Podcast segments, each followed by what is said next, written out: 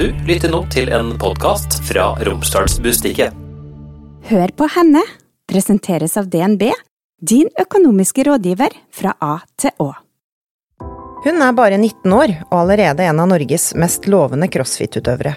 Men veien dit har ikke bare vært enkel. I denne episoden forteller hun om hvordan press, stress og flink pike-syndrom førte til spiseforstyrrelser, og om hvordan hun har jobba med seg sjøl for å komme dit hun er i dag. Lea Støren, velkommen til Hør på henne. Tusen takk. Det er veldig hyggelig å få være her. Hvordan går det? Jo, det går veldig bra. Jeg er jo hjemme i Molde da, på en eh, liten tur, og det er veldig hyggelig å være her og trene litt og se familien igjen. Så har det veldig fint. Du Lea, du er jo både norgesmester og verdensmester i crossfit, og regnes som eh, blant de ti beste i Norge. Samtidig er du bare 19 år. Altså, hvordan er det mulig? ja, nei, altså Man har jo trent eh, hele livet. Så man har mange år med trening inne, selv om man ikke har holdt på så altfor lenge da, med, spesifikt med crossfit. Men eh, det er jo det, da. Man har trent hele livet og har eh, et anlegg som tilsier at man kan bli god i idrett. Og så har man motivasjon og vilje da, til å stå på. Så det er en kombinasjon her av mye forskjellig. Og så tror jeg kanskje vi må fortelle folk hva crossfit egentlig er for noe? Nei, altså Det defineres jo som mange ulike varierte og funksjonelle øvelser satt sammen med høy intensitet. Og så kan man jo på en måte dra den strikken da, ganske langt for hva crossfit er. Det spørs jo litt da om man ser på det som treningsform eller konkurranseform, for der skiller man jo på en måte litt. Det for oss da som konkurrerer i det, så kan det være alt fra svømming, løping, gymnastikk, romaskin Altså det er det meste man kan komme på, da. Mens hvis du kommer på et treningssenter eller en crossfit-boks da, og skal trene, så blir du ikke plutselig bedt om å svømme. Da er det litt mer sånn definert av hva du skal gjøre. Og hva er en crossfit-boks? ja, det er der man trener crossfit, da. Det kalles jo boks, da eh, ikke senter. Og det kommer jo bare litt av at som ofte så blir crossfit-bokser eh, plassert i gamle lagerbygg, da. Som ofte er liksom firkanta, så da har det liksom enkelt og greit bare blitt kalt boks. Nå har det jo kommet litt mer sånn at kanskje man har bygd en egen crossfit-avdeling da, inn i et vanlig eh, kommersielt treningssenter. Men sånn, i utgangspunktet så har det liksom vært da, at crossfit-bokser er litt annerledes og har litt ulikt utstyr, og så har man ingen speil. Det skal liksom ikke være sånn at man står foran speilet og pumper bicep, men man skal liksom fokusere på det man gjør, da, ikke på eh, hvordan det ser ut. Kanskje fikk folk litt øynene opp for crossfit eh, i forbindelse med Mesternes mester? For der var det jo en utøver, Kristine Holte, som mm. kom mm. veldig langt, og som viste liksom eh, veldig sånn allsidighet. Mm. Tenker du at det har hatt noen betydning? Mm. Ja, absolutt. Kristin er jo et fantastisk uh, godt forbilde.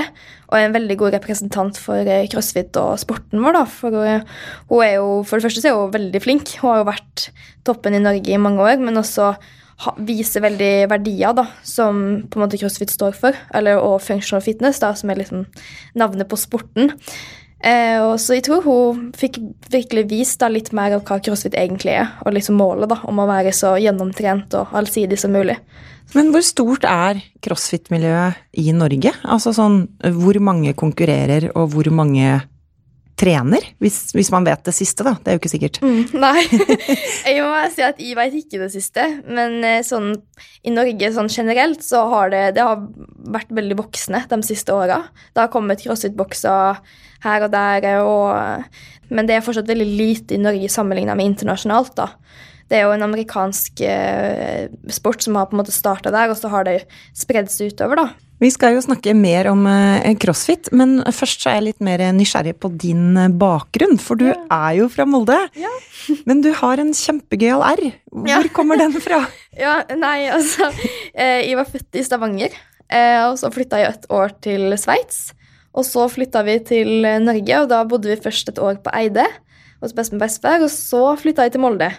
Så jeg har liksom tatt med meg litt her og litt der, og så har det blitt en sånn miks. Og ja, Æren har liksom bare forblitt sånn. Og så er jeg, ja, er litt sånn dialektforvirra, da, så hjelper ikke at de bor i Oslo nå, for da blir jeg enda mer ja, forvirra. Så det hender at de bare legger om litt her og der. Så prøver å holde tunga beint i munnen, da, men ikke alltid så lett. Men du har jo flytta nå, så Ja. nå bor du i eh, Oslo. Ja. Og, og ennå du ikke er eh, ferdig med videregående. Nei, det stemmer. Hvordan går, hvordan går det an?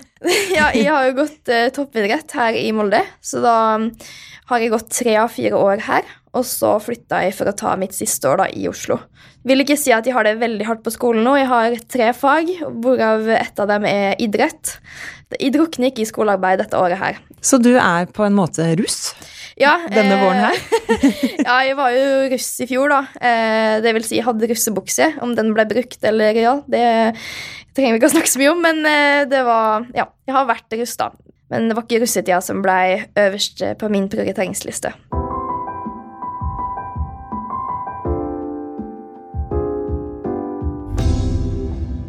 Du eh, begynte jo å danse først. Altså Ja. det var din første på en måte fysiske Ja, eh, idrett, skulle jeg til å si. mm, det var det. Det var jo gøy, det, men det falt meg ikke helt i smak. Jeg var ikke så glad i å gjøre det alle skulle gjøre. Eh, Jeg var mer glad i å lage min egen dans og egentlig bare bestemme selv hva jeg skulle gjøre. Jeg fant ut fort at det kanskje ikke passa meg helt.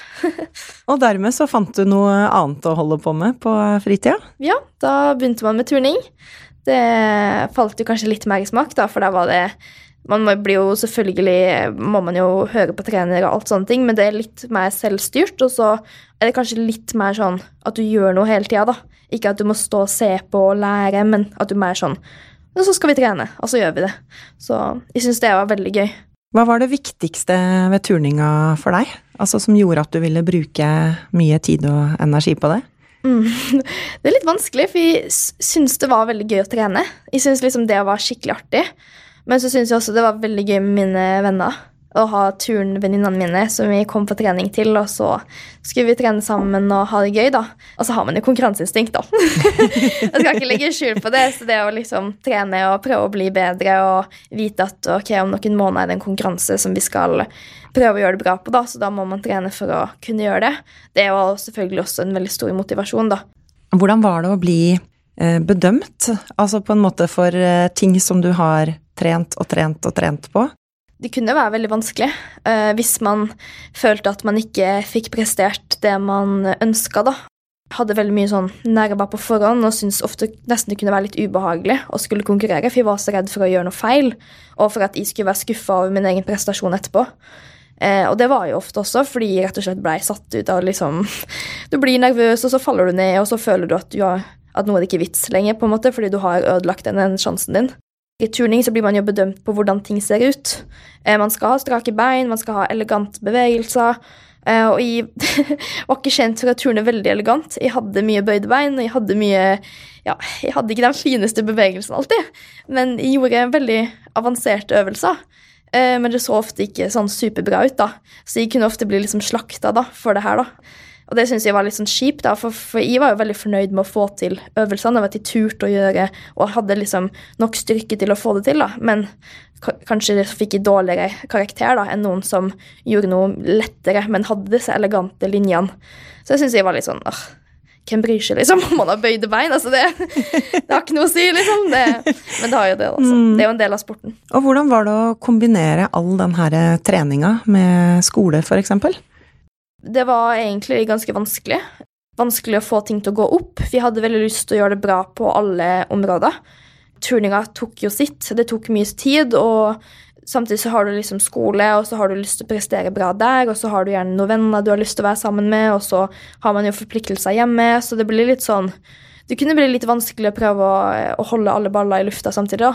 Men kjente du på mye altså prestasjonspress og på en Mm. måte stress rundt det?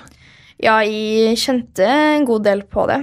For min del så ble det litt sånn eh, at jeg følte at jeg ikke klarte å prestere bra nok på alle ting.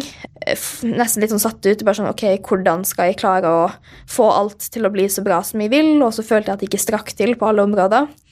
I mitt tilfelle så førte det til at jeg ikke tok nok vare på meg selv. At Lea forsvant litt oppi det her, og at mine prestasjoner og det å liksom få til alt ble viktigere enn hvordan jeg hadde det. Det var vanskelig, og det var også vanskelig å på en måte innse at det hadde blitt sånn. For det blir jo på en måte en vane når du hele tida prioriterer å liksom skulle prestere da, og levere fra et godt produkt på alle arenaer blir liksom viktigere da, enn å, hvordan man har det. Så um, det var en stressende periode. Og hvordan takla du det? Jeg takla det ikke veldig bra. Eh, jeg gjorde ikke det. Det ble en kritisk eh, greie. jeg fikk eh, spiseforstyrrelse av det. Jeg klarte ikke det å akseptere at hvis jeg skulle ha det bra og få til alt som jeg ville, så, så måtte jeg rett og slett eh, gi slipp på noe. Jeg kunne ikke prestere 100% på alt, og det syntes jeg var veldig vanskelig å håndtere. Og så var jeg veldig redd for å skuffe noen. Eh, det var liksom min største frykt. Jeg var mer bekymra for at noen skulle bli skuffa, enn at jeg ikke skulle ha det bra.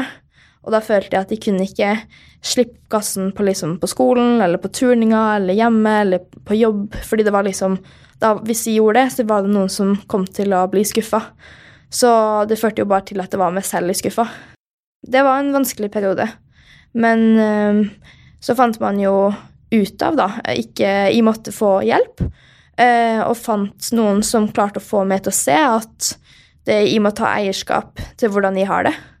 Og at hvis jeg har lyst til å gjøre endringer, så må jeg gjøre det selv. For det, jeg kan på en måte ikke sitte og vente på at noen skal komme inn og gjøre disse endringene for meg. Det er jeg som må ta liksom, eierskap til det selv, og det klarte jeg etter hvert. Det var vanskelig, men man klarte å liksom innse at ok, jeg kan ikke styre alt rundt meg, jeg kan ikke styre andre, men jeg kan styre hvordan jeg føler meg, jeg kan styre hva jeg gjør. Og da måtte jeg bare legge vekk det som ikke ga meg noe, og kanskje hadde negativ innflytelse på meg, da. Og så måtte jeg gjøre mer av det som ga meg gode ting, og dem jeg hadde sunne relasjoner med, dem måtte jeg fortsette å dyrke, og så måtte jeg kanskje kutte noen bånd som ikke var bra for meg. Og hvordan reagerte omverdenen da du ble sjuk? Altså, for det, jeg antar jo at man kunne se det på deg etter hvert, at du gikk ned i vekt og, ja. og, og, og hva sa folk til deg da? I mitt tilfelle så var jo det at de gikk ned i vekt, det var jo på en måte en reaksjon på at de ikke hadde det bra rett og slett en konsekvens da, av at de hadde for mye å gjøre. Uh, og så merka jeg jo fort at, at, noen la merke til det. Og da tenkte jeg også at ok, kanskje dette kan bli min måte å vise noen at de ikke har det bra på. Så da ble det jo mer bevisst, og da tenkte jo jeg at ok, no, dette blir min løsning, liksom. Men det ble det jo ikke, fordi at det, var, det ble liksom ikke oppfatta sånn som jeg ønska. Eh, fra mitt perspektiv, da, så ble det på en måte eh, at folk brydde seg om at de hadde gått ned i vekt. Det var det folk fokuserte på, i stedet for å bli på ok, men hvordan har Lea det? Eh, og det var litt vanskelig, for da følte jeg også at det her ikke funka, og at man i stedet kanskje endte opp med en ny rolle da, som en, man måtte fylle ut. da. Det hjalp jo som sagt ikke. det var jo en veldig dårlig løsning fra min side, så det endte jo opp med at eh, eh det blei så ille at de måtte bare ja, søke hjelp, og så fant de noen da som fikk meg til å innse at dette er ikke måten å løse det på. Og det har jeg også tatt med meg videre. Og hva var det som var avgjørende for at du fant ut at ok, jeg må ha hjelp? Altså mm. hvilke støttespillere hadde du, og, og, hvor fant dere hjelpen? Ja, jeg er litt usikker på hva som var liksom utløsende faktor til hvorfor jeg fant ut at jeg trengte liksom denne hjelpa.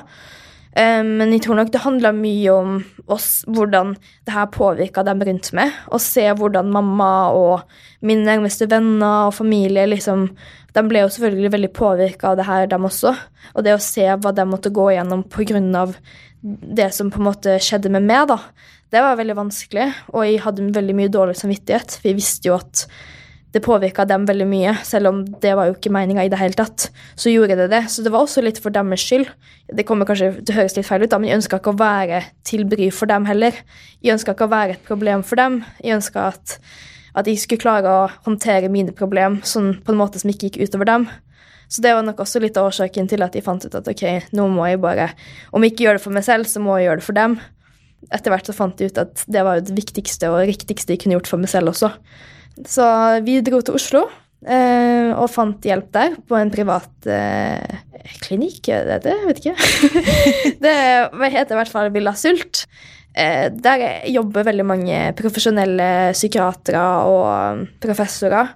Eh, og de hadde veldig mye kompetanse da, med dette her, og både for meg og for pårørende. og følte virkelig at de ble møtt sånn som jeg trengte å bli møtt. da. De hadde en veldig stor forståelse av hvordan jeg hadde det, og de ønska å kanskje være litt mer på min bølgelengde da, når det gjaldt liksom hvordan man skulle løse det. Kanskje ikke hadde denne firkanta standard ok, vi skal gjøre sånn og sånn, men kanskje heller hadde liksom var åpen da, for at vi kunne gjøre det litt på min måte. Kontrollfriken. ja. Og hva ble det viktigste du, du lærte der? Det viktigste jeg lærte, var nok det at jeg måtte ta eierskap. At uh, jeg måtte ta ting i mine egne hender. Og at uh, hvis jeg føler meg dårlig av noe, så må jeg på en måte finne ut ok, hva er det her jeg kan gjøre. Jeg kan på en måte ikke sitte og vente på at det skal skje noen endringer, og jeg kan ikke forvente at noen andre skal se det. Jeg må liksom bare rett og slett ta eierskap til det selv. da. Og det er jo fortsatt noe jeg syns er vanskelig. I hvert fall hvis jeg på en måte føler at ok, hvis jeg gjør det her nå, selv om det er best for meg, så blir kanskje noen andre litt lei seg, eller sånn, da. Men så lærte jeg at bare det her kan du ikke tenke. Det er liksom, Hvis det er noe som er riktig for meg, så må jeg bare stå i det. Og så må jeg bare tåle at noen kanskje blir litt lei seg i fem minutter, så For det går jo som oftest bra. Det er jo som oftest mye verre det scenarioet jeg lager opp i hodet mitt, enn det som faktisk skjer. Så sånn sett så er det jo en fin Har blitt en fin løsning ut av det. Og dette er, noe du, er det noe du trener litt på fortsatt? Ja. jeg har fortsatt litt sånn overtenkende tendenser, så det er fint å ha det i bakhodet. Det er noe man alltid må jobbe med. Jeg tror det er veldig, veldig mange som kanskje står litt i den situasjonen, da. At man ikke helt tør å alltid tenke på seg selv også, men at man tenker litt for mye på alle andre. Litt sånn flink pike? Litt sånn flink pike. det, du sa det der. Hei, jeg heter Ida og jobber som finansrådgiver i DNB Molde. Visste du at seks av ti spareavtaler i fond tilhører menn, og at menn har en bruttoformue som er 1216 milliarder høyere enn kvinner? Det tilsvarer et helt statsbudsjett. Bli med og tett kapitalgapet. Gå inn på dnb.no for å avtale en rådgivningssamtale med oss. Men det er jo mange helt sikkert også som kan kjenne seg veldig igjen i det du beskriver rundt eh, å føle mye press mm. eh, og, og, stress. Eh, man trenger ikke å drive med en idrett heller, men mm. kanskje bare skolegangen i seg sjøl, og det viser jo ungdataundersøkelser eh, også, at ja. Eh, unge føler mye på stress. Det liksom noe, har du noen tanker om hva man kan gjøre for å redusere det stresset? Ja, eh, jeg husker i hvert fall selv at jeg syns det virka veldig som om det var bare meg som hadde det sånn. At alle andre liksom hadde kontroll på alt, og at dem, for dem så var det liksom ikke noe stress. Så jeg ble litt sånn, jeg følte veldig ofte at det var sånn at jeg nesten ikke kunne si det til noen. fordi det var jo akkurat det jeg følte, at jeg ikke kunne si det til noen. Fordi at det var bare meg som hadde det sånn, så ingen andre kom sikkert til å forstå hva jeg mente, liksom. Og det er jo noe jeg tror veldig mange kanskje kjenner seg igjen i. da, At man føler seg veldig alene. Man vet ikke hva man skal gjøre, eller hvor man skal søke hjelp, for man vet liksom ikke Kanskje man ikke føler at problemene er gyldige nok. At man ikke er, har det ille nok, da, for man vet at noen andre har det verre, liksom. Det er også noe jeg tror veldig mange tenker på. Det som vi som kanskje, hvert fall som samfunn kan gjøre, er å bli flinkere til å snakke om det. Og kanskje det med å lage en litt la, liksom lavere terskel for å skulle si ifra alle har jo dårligere perioder og kjenner på stress og kjenner på at man kanskje ikke føler seg bra nok. Og da er det veldig viktig at man snakker om det. For det er jo lurt å forebygge, altså ja. til og med lønnsomt å forebygge framfor å vente til det blir et stort problem. Mm. Hva tenker du at du ville sagt til Lea i dag, Lea 15-16 år, hvis, eh, hvis du kunne gitt henne noen gode råd? Ja, eh, det er nok noe jeg ville ha sagt til meg selv fortsatt den dag i dag. Og det er å, å gi faen. Ja. Rett og slett. Jeg lever litt av den eh, quoten. Jeg er fortsatt ikke så flink på det, men det er, det er noe jeg sier til meg selv veldig ofte. Det at eh, det er lov å gi faen. Hvis, og hva legger du i det? Ja, det er jo høres ikke så bra ut. Men det er rett og slett det at hvis det er noe som på en måte er utafor din kontroll, og som du kanskje tenker at det her, ja, dette blir liksom verdens undergang om ikke får gjort dette her 100% eller Og nå tror han sikkert at de er veldig frekke, eller et eller annet sånt, så er det bare sånn Men vet du hva, det, det kan ikke jeg kontrollere. Jeg har gjort mitt, jeg står på mitt, og så får det bare bli som det blir. Og rett og slett bare drite litt i det. At det jeg har innsett, er at hvis du skal gå rundt og bekymre deg hele tida for hva alle andre tenker, og hva som skjer til enhver tid, så blir man bare veldig sliten. For du kan ikke kontrollere det uansett. Så det er sånn Noen ting må man bare legge fra seg og ikke prioritere å bruke tida si på. Det sier jeg til meg selv ofte når jeg begynner å kjenne at jeg kommer inn i en sånn spiral der jeg begynner å tenke sånn Å nei, hva skjer nå? Å nei, nå liker han ikke meg, og hva skal jeg gjøre nå? Så er det bare sånn Vet du hva? Drit i det, for du kan ikke gjøre noe med det uansett. Så får de bare tenke det de tenker, og så står du på ditt. Herlig, altså. Takk for eh, det rådet. Ja, det Ja. Det er det sikkert mange som, eh, som kan lære litt av. Jeg tenkte vi skulle avrunde denne litt sånn alvorlige bolken da, med en ja. liten fun fact. Ja. Eh, For det har nemlig kommet meg for øre at du har eh, en sånne, et lite partytriks. Mm. Eh, og det, er, det handler om dyr. Det gjør det. Eh, og ja, du kan jo fortelle det sjøl. Ja, det Og det, altså det, det her har jeg kunnet så lenge jeg kan huske, og hvor det liksom Hvor det har kommet fra, jeg har ingen aning. Men det har i hvert fall hjulpet meg i veldig mange situasjoner, som er overraskende. Men det har det. Eh, når det gjelder liksom alle mulige spill eller konkurranser eller quiz, så har jeg liksom alltid kunnet stilt opp, da, fordi jeg kan det her. det er rett og slett at de kan si 30 dyrearter på syv sekunder. Jeg tror jeg kanskje kunne klart det litt raskere, men nå er jeg liksom litt rusten, da. Så, så ja. Men har du funnet, har du funnet dette funnet på det helt selv? Altså, det Jeg, jeg vil tro det, men jeg, jeg kan ikke si 100 sikkert hvor det kommer fra. Fordi dette er bare som sagt noe jeg har kunnet så lenge jeg kan huske. Så jeg har ingen aning. Ok. Men Ja. jeg satser på at uh, hvis det er noen der ute som liksom bare skjønner det. det her er min regle, så, så vær så god, da skal du få kreditt Ja. for den. Fordi at jeg eh, har ingen aning om hvor det kommer fra. Det rett og slett. Men skal vi, skal vi prøve, da? Ja. Ja, nå skal jeg bare følge med på klokka her, og så skal jeg, skal jeg si én, to, tre, eller? ja, du kan Ja. gjøre det. Da gjør jeg det. Da kjører vi i gang. Én, to, tre. Rev, rype, hest, hare, ørnorm, oter, hund, homme, saus, valle, røy, rein, rotte, klegg, krabbe, laks, leike, mink, mygg, måke, mark, marsvin, bjørn, bille, ku, kreps, kråke. Oi, det var sju sekunder. Ja. Ah, wow! Og da tenker jeg eh, Jeg fikk, rakk jo ikke å telle antall dyr, Nei. men jeg fikk med at det var veldig mange. Ja, Ja. det bra.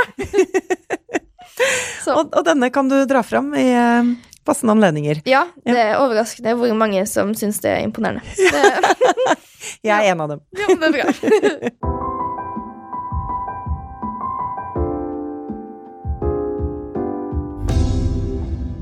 Vi skal tilbake i crossfit-verden. Ja. For hvordan var det du oppdaga crossfit? Ja, det var jo litt etter eh, korona. For min del så var det i denne perioden jeg slutta med turning og begynte på et treningssenter når det åpna litt opp igjen. Eh, og da holdt man jo litt på med hva som helst, egentlig, for min del. For jeg jo trente litt sånn Jeg visste ikke helt hva jeg holdt på med. Jeg hadde lyst til å fortsette med turning litt, så jeg turna litt, og så løpte jeg litt, og så løfta jeg litt vekta, og så Jeg så nok ut som en tulling på treningssenteret, for jeg ja, gjorde alt mulig. Utvikla din egen sport? Ja, det var, det var liksom det, og sånn var det liksom bare at noen kom bort en dag og spurte om jeg holdt på med crossfit. Og så jeg ble jeg nesten fornærma, for jeg visste jo ikke hva det var. Og så ble jeg sånn Hæ? Nei, liksom. Jeg holder ikke på med det. Og så dro jeg hjem og søkte det opp på YouTube, og så fant jeg jo en eller annen video fra CrossFit-VM i 2015, der de kjørte, eller gjorde en økt som var ekstremt brutal og hard, eh, i 30 varme grader. og ja, folk var slitne etterpå, og når jeg så det her, så tenkte jeg at det her var dritkult. Dette her skal jeg også gjøre. Så det var liksom det som fikk meg hekta. Eh, mange ville nok kanskje sett det her og tenkt ok, hva er det her? Det her skal jeg aldri drive på med. Eh, men jeg ble veldig inspirert eh, og tenkte at det her var liksom min greie. Og så fant jeg veldig fort ut av at det jeg hadde holdt på med på treningssenteret alene, uten å vite hva jeg gjorde, det var ganske likt som crossfit. da. Så jeg hadde på en måte begynt å trene det allerede da, uten å være helt klar over det. Så det var veldig gøy. Men har du et sånn eget gen som gjør at du liker å liksom ta deg ut, eller ja, bli utslitt? Jeg tror det. det. Fordi det er noe med den følelsen. eh, når man kjenner at man har gitt 100% og bare kan liksom Fordi det er jo veldig mange tenker kanskje at jeg syns det er gøy der og da. Og det er ikke alltid at de gjør.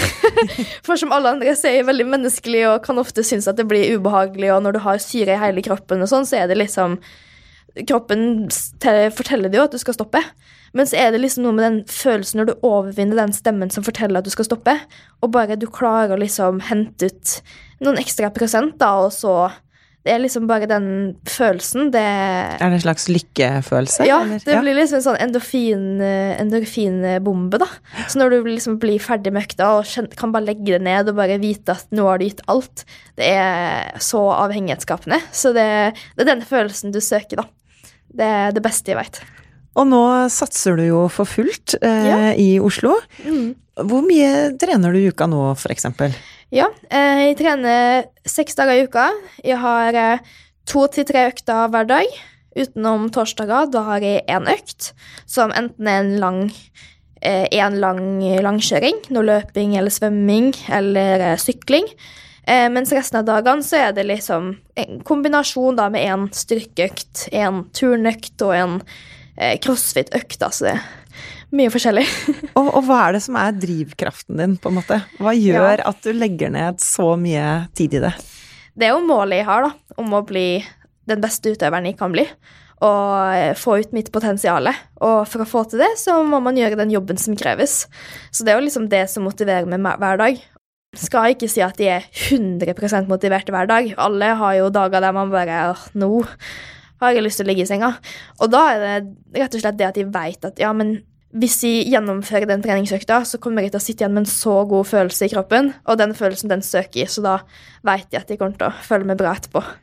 Så det kan være hardt noen dager. Mm. Og nå lever du da Altså, dette er jo toppidrettsutøverliv. Mm. Eh, og hvordan, hvordan er en dag? For, ja. hvordan ser den ut? Nei, man starter dagen i våkne opp rundt sju. sju. Så spiser man frokost, og så drar man på trening. Og da er det ikke egg og bacon, eller? Nei, da er det havregrøt med pro- ProPud-pudding på toppen. Det er et veldig godt tips. Ha proteinpudding på toppen av havregrøten. Proteinpudding? Ja, det Det har jeg aldri hørt om. Sjokoladesmak på toppen av havregrøten. Det er veldig godt. Ok, Mm, ja. Anbefales. Eh, og så går turen til treninga. Så har man oftest en styrkeøkt på morgenen. Og da varer den alt fra to til tre timer. Og så drar jeg en tur på skolen, er der i noen timer, og så er det tilbake på trening. Hives eh, en boks med kylling og ris. Og så er det en ny økt. Som oftest så er det en slags crossfit-basert økt med litt høyere intensitet. Eh, og så etter det så er det en ny pause. Enda mer kylling og ris og polarbrød. Og så er det en liten økt til, og da er det ofte noen støtteøvelser. Eh, litt mer styrketrening, kanskje. Noen skills. Øve litt på litt turnøvelser. Det er liksom litt forskjellig, da. Og så er dagen over, holdt jeg på å si, på treningsfronten. Og da er det hjem og dusje og spise og gjøre litt skole, kanskje. Og, og så spise mer, og så spise litt til, og så gå og legge seg rundt eh, halv ti. Er det ikke noe pizza og smågodt og seine kvelder med TV-serier? Nei, det er få dager det blir sånn, men jeg har en guilty pleasure på lørdager. Da er det veldig store mengder sjokolade som inntas. Det er veldig morsomt, fordi jeg har en veldig stor hangup med sjokolade. Og da har jeg liksom sånn at jeg liker ikke å spise litt sjokolade hver dag, men jeg liker å spise alt på en gang. Og da er det liksom fem, 500 gram, altså. Oi! Det er liksom Ja, det, det er ikke tull engang. Det er krise. For jeg har liksom det der behovet da for å liksom spise Spise en sånn kvalm på sjokolade. Og så kan jeg liksom bare legge meg ned i sofaen og ha fri på søndag og bare nyte det. Og så har du ikke lyst på sjokolade på en stund? Nei, ikke sant? Så går det en uke til neste gang, og så sånn på torsdag så begynner jeg å tenke litt på det, og så fredag, lørdag, det eneste jeg tenker på, er snart sjokolade. Så det her er hver uke, da. Så det er en av høydepunktene.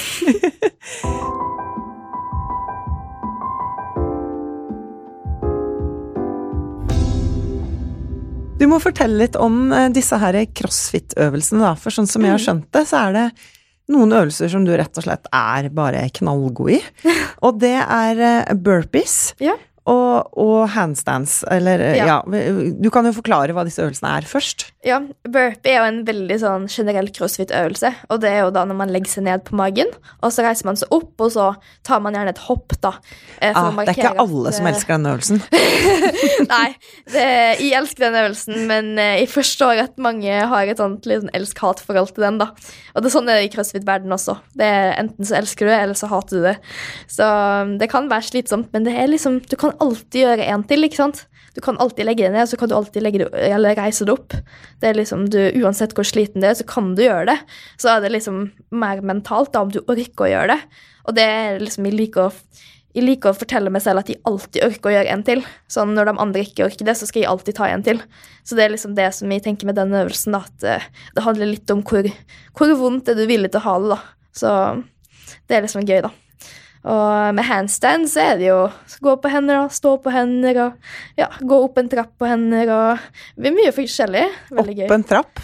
Ja, vi har, vi har sånn trapp der du går liksom over, og så er det en sånn bakke på andre sida. Så går du liksom over da, forlengs og baklengs. Og Ja, Så du tar rett og slett en tur Ja. på henda. går liksom Ja. Det er koselig. Jeg hørte jo her eh, at du også kan stå ganske lenge på henda. Altså Ja. liksom sånn hjemme i stua di, liksom. Ja. Hva, hva er rekorden? Jeg har stått i fire og et halvt minutt. Så det er liksom den rekorden jeg har til nå. Men jeg har, har hatt lyst til å sjekke om jeg kan stå i fem minutter. Det hadde vært gøy å klare det. Men Ok, det, jeg det holder, da. jeg er fornøyd hvis jeg har et sekund eller to, jeg. Men eh, jeg har litt å jobbe med her. Ja, det, det er ikke så mange som kan slå det. Det tror jeg ikke. Så det, er- det er en fin rekord å ha. Men eh, har du da høres ut som du har ganske god bruk for den eh, turnbakgrunnen din. Absolutt. Den har hjulpet meg masse, og det har jo gjort at man spesielt eh, kanskje sånn ting som andre bruker litt lengre tid på å lære seg, da. At man har det inne fra før, så man kan bruke mindre tid på det og litt mer tid på andre ting, da. I crossfit. Eh, og da er det jo spesielt kanskje styrketrening, da, i og med at det er brukt mest tid på. For eh, i turning så løfter man jo veldig lite ekstern vekt. Alt er jo egen kroppsvekt. Eh, Så når man da kommer inn på et eh, treningssenter og skal begynne å løfte vekt, da, så er det ikke alltid at det er like lett. så jeg har brukt veldig mye tid da på å bygge opp den eh, styrken og prøve å henge med disse som har holdt på med håndball og fotball, eller kanskje spesielt håndball, da, og har liksom skikkelig eksplosive muskler. Og er det da helt vanlig styrketrening du driver med? Ja, det er jo kanskje ikke akkurat det samme som dem som går på et kommersielt treningssenter, da, men det er liksom knebøy, markløft og mange ulike varianter av det. Og tunge repetisjoner, litt lettere repetisjoner, og så er det jo olympiske løft, da. Som kanskje ikke er så vanlig på treningssenter, med clean eller frivending og eh, overstøt eller jerk, og så snatch eller rykk eller ja. Jeg kan ikke helt disse navnene her på norsk. Vi bruker veldig mye clean and jerk og snatch på, i crossfit-språk, da. Men olympisk løft tror jeg mange kan se for Ja, seg hva er for noe. Olympisk løft er generelt det er veldig fint. Så det gjør vi mye av, da. Ser litt sånn tøft ut på Instagram og sånn. Altså det er veldig ofte mange Eller veldig ofte så er det folk forbinder med crossfit, da. Er å løfte tunge vekter og sånn. Men vi gjør mest kondistrening, egentlig. Og hva vil du si er din eh, største styrke og største utfordring som crossfit-utøver? Jeg tror min aller største styrke ligger nok i hodet. Jeg har en ekstrem viljestyrke, og jeg har lyst til å gjøre ting som andre ikke har lyst til. Fordi at jeg, jeg blir veldig sånn gira når jeg vet at det her blir vondt, og det her blir liksom det her kommer folk til å ha lyst til å stoppe, og da tenker liksom alltid at ok, men da skal jeg være den som ikke stopper. Jeg skal være den som pusher mest, da. For det, liksom, det kan jeg kontrollere. Vi kan jo ikke Og sånn har du vært, altså alltid vært? Eller Ja. har du på en måte For dette er ikke noe du har trengt å trene opp på Nei. et vis? alltid vært sånn. Alltid blitt sånn uh, inspirert hvis jeg ser noen gjøre noe som ser tungt ut. da, Så har jeg alltid vært sånn åh, det der skal jeg også gjøre. Det uansett, så Det ser jo ikke ut som de har det så gøy alltid. For det kan jo være veldig tungt, men så tenker jeg bare nei, nei, nei, det der, det der ser gøy ut. Det vil jeg gjøre. Så har man jo utfordringer også. Da tror jeg kanskje styrke, beinstyrke spesielt, har vært det jeg jobba mest med. For det tar litt tid å bygge, og så har jeg vært litt mindre. Eh, hatt litt mindre muskelmasse enn mange andre. Så det har tatt tid å bygge opp, men det kommer seg. Er det vanskelig å på en måte oppleve at man får større muskler når man har eh, hatt eh, et sånn anstrengt forhold til mat eh, før? Ja, eh, det vil jeg si har vært et veldig Eller sånn, er, og fortsatt er en turbulent eh, reise, da, kan man si. Fordi at det er på en måte så har man jo den Man vet at åh, men det her gjør meg bedre, og nå kan jeg prestere enda bedre og løfte de tyngre vektene. Men så har man jo den styggen på ryggen, da, som kan av og til finne på å liksom komme litt tilbake, da, og være litt sånn slem og kanskje tenke litt eh, negative tanker, da. For min del har det vært veldig viktig å huske ok, men hva er det jeg har lyst til å oppnå. Altså, Jeg skal jo ikke fokusere på hvordan jeg ser ut. Mitt fokus er på hvordan, eller hva jeg kan prestere. Og jeg har jo lyst til å bli den best mulige utøveren jeg kan være. Og da må jeg på en måte akseptere at kroppen min kommer til å se ut på en viss måte. Og det har jeg på en måte også akseptert, da. Det er vanskelig, men når du klarer å fokusere på hva du kan få til, og prøve å dra positive tanker ut, så blir det ofte bra. Og hvem er dine viktigste støttespillere i dag? Altså hvis det f.eks. dukker opp sånne tanker, eller du har dårlige dager, da. Mm. Hvem er det du kan eh, lene deg på? Jeg har jo mamma, da. Shout-out mamma. Ja, mamma er en veldig god støttespiller. Så har jeg også um, en veldig god venninne som har vært med meg fra begynnelsen av crossfit.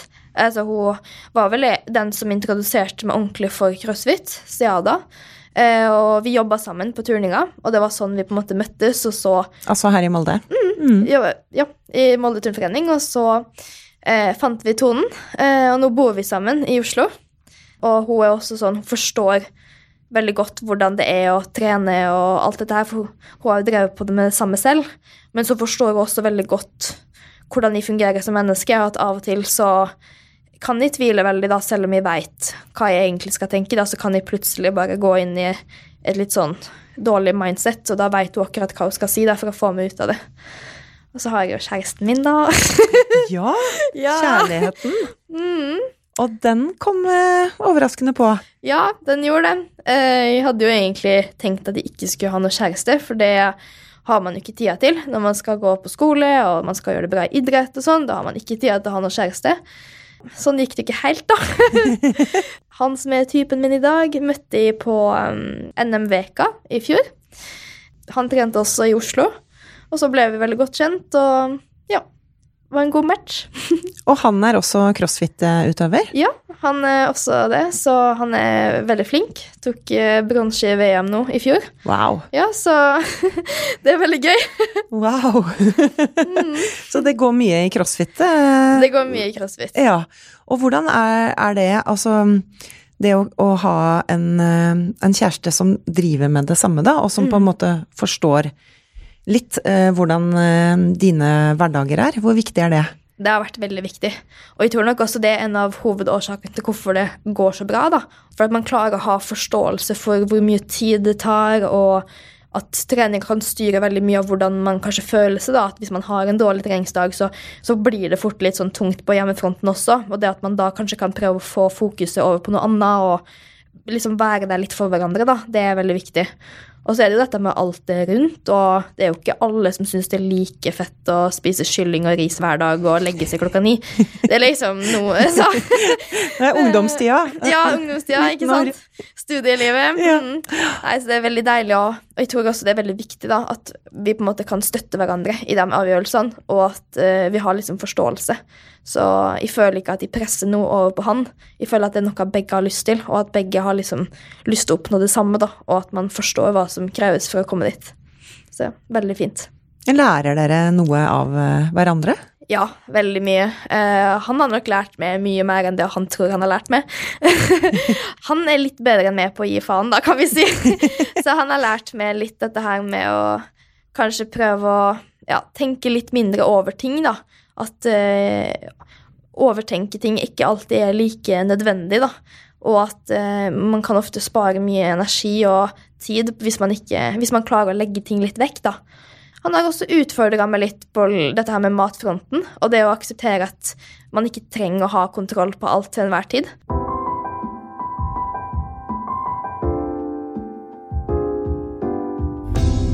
Du Lea, eh, hva er det som er eh, målet ditt? Altså, hvor god skal du bli? Altså, du sa jo i stad at du skal bli så god som du kan bli, Ja. men jeg regner jo med at du også har noen konkrete mål? Ja, ja selvfølgelig det. Eh, og jeg har lyst til å komme med til det som er CrossFit VM, eh, som da kalles for CrossFit Games. Det er liksom den største og mest prestisjetunge konkurransen du kan komme til da, som crossfit-utøver. Og da er det topp 40 kvinner eh, og menn i verden som får delta. Så veien dit er veldig vanskelig, men eh, jeg har veldig tro på at det skal gå. Så det er målet mitt, å komme meg dit og forhåpentligvis stå på pallen en dag. Så, så har man jo lyst til å ta med seg en eh, verdensmestertittel i åpen klasse. Det hadde også vært veldig hyggelig. Ja. Har du noe sånn tidsperspektiv på dette? Eh, Innen eh, hvilket år skal det skje? Ja, eh, jeg har jo fått beskjed av treneren min at jeg ikke skal da, før eh, man er liksom 27-28. Oi! Ja, mm. Så du har noen år igjen med jeg har noen år, men eh, trening? Jeg skulle gjerne liksom gjort det litt før, ikke sant? Det, mitt eh, tidsperspektiv, er liksom litt kortere, så hadde jo vært kult å klare det allerede bare innen noen få år. Så vi skal gjøre absolutt alt vi kan for å klare det, i hvert fall. Men er det mulig å leve av å være altså crossfit-utøver? Mm. Eh, det er ikke, du blir nok ikke rik av å leve av det. Eh, og spesielt her i Norge så er det ikke mange som har levd av det på fulltid. Eh, det er jo ikke en idrett du blir liksom kjemperik av, men samtidig så kan du tjene godt nok til å overleve. Men hvis du skal tenke hva du eventuelt skal gjøre etterpå, eller hvis du på en måte skulle hatt en vanlig, vanlig jobb i gåseøyne, Mm. eh, hva, hvilken retning skulle det vært, eller har du hatt noen sånn drøm om hva du vil bli eller studere? Ja, eh, jeg har jo egentlig siden barneskolen vært sånn Jeg skal bli lege. Så jeg har jo jobba liksom hele videregående for å kunne komme inn på medisinstudiet med en gang. Uh, og så har jeg jo sett nå at det er jo ikke det jeg har lyst til. så det, det Jeg har um, lyst til å bli lege, uh, og en eller annen gang så skal jeg bli det. Men uh, akkurat nå så kommer jeg til å ta et friår, da, når jeg er ferdig nå. I hvert fall å starte med det, og så se litt hvor crossfiten tar meg. Men sånn litt lenger fram i tid så har jeg veldig lyst til å jobbe med eh, dette med trening som medisin. Spesielt kanskje sånn med min egen historie, da. Fordi at jeg tror at kanskje sånn psykiske problemer da, blant unge i dag er liksom i endring. At det kommer nye problemer, og av at det er så mye endringer da, i psyken til unge i dag, så trenger også systemet å gå gjennom litt av den samme endringa. Og jeg tror at det å klare å på en måte vri det her om at trening og spesielt spiseforstyrrelser da, sammen kan være noe negativt, men heller få det til å, at det kan være noe positivt, og klare å liksom få folk til å kanskje kunne bruke trening da, som en vei ut av dette her, det er noe jeg brenner veldig for, og har lyst til å klare å dyrke videre. For jeg syns selv at det har vært noe som har hjulpet meg veldig mye med mine problemer. Og jeg tror det er veldig mange der ute som kanskje ikke får bli forstått da, med det, det på den samme måten som jeg kanskje følte at de ble møtt litt sånn Jeg ble liksom ikke møtt sånn som jeg følte at de trengte å bli møtt med det her. Hvordan skulle du ha blitt møtt? Ja, eh, jeg følte veldig mange tenkte, og det gjorde de, altså det gjorde de også, at trening det eh, gjør man for å forbrenne kalorier. Eh, og jeg har vært hos psykologer som har sagt at i stedet for å trene, så kan jeg strikke. Da Da har du, Det er en sunn aktivitet å holde på med, mens trening er ikke sunt for du som sliter med mat. da. Mens for meg så var det jo helt motsatt, fordi trening ga meg en veldig mestringsfølelse. Og det gjorde at jeg klarte å fokusere på hva kroppen min kunne få til, og ikke på hvordan jeg så ut. Det er noe jeg har lyst til at flere skal kanskje få muligheten til. da. Tenker du over det, at du kan være et forbilde, altså både med din historie, eh, men også hvordan, ja, hvordan du tenker rundt det i dag? Det, det er ikke noe jeg tenker veldig mye over, men det har jo kanskje det siste året da, så har man jo fått noen meldinger og folk som har liksom satt, sagt at de setter pris på at jeg har vært åpen om det jeg har gått gjennom, og at de har turt å ta kontakt med psykolog og søke hjelp da, etter å ha hørt hvordan jeg har gjort det. Eh, og det setter jeg selvfølgelig veldig stor pris på, og det var jo det jeg ønska når jeg valgte å dele det jeg har gått gjennom. Hva har livet lært deg så langt? Har du noen eh, råd som eh, du vil gi videre? Ja, eh, livet har lært meg ganske mye, og jeg lærer jo fortsatt veldig mye. Men eh, jeg tror nok eh, noe av det jeg skal ta med meg, i hvert fall, er at eh, livet går opp og ned. og det, det går veldig opp og ned, og det skal det gjøre. Uansett hvor hardt du prøver, så kommer du ikke til å klare å hindre alle de små nedturene til å komme, for de kommer til å komme, og så handler det ikke om at de kommer, men det handler om hvordan du håndterer dem, da. Og det er liksom det å lage seg verktøy og finne ut hvordan du skal håndtere ting da, når det skjer. Hvilken kvinne ser du opp til? Oh. jeg ser opp til mange kvinner. Eh, men jeg ser jo veldig opp til mamma. eh, og så ser jeg veldig opp til Kristin, som vi snakka om i begynnelsen. Hun er en veldig fin rollemodell. Og eh, ikke bare når det gjelder idrett og prestasjon, men også mentalt. Hun har en veldig god uh, mental styrke og har uh, vært til stor inspirasjon både for meg og for veldig mange andre. Da. Så ser absolutt opp til henne. Lea Støren, tusen takk for at du var gjest i Hør på henne. Takk for at jeg fikk komme. Det var veldig hyggelig. Hør på henne er laget av Romsdals Bustikke. Produsenter er Stian Viken og Hanne Fleischer. Mitt navn er Vera Henriksen. Har du ris, ros eller innspill til gjester? Send meg en e-post på henne-r-b.no. Følg oss også gjerne på Instagram, så håper jeg vi høres snart. Hør på henne presenteres av DNB, din økonomiske rådgiver fra A til Å.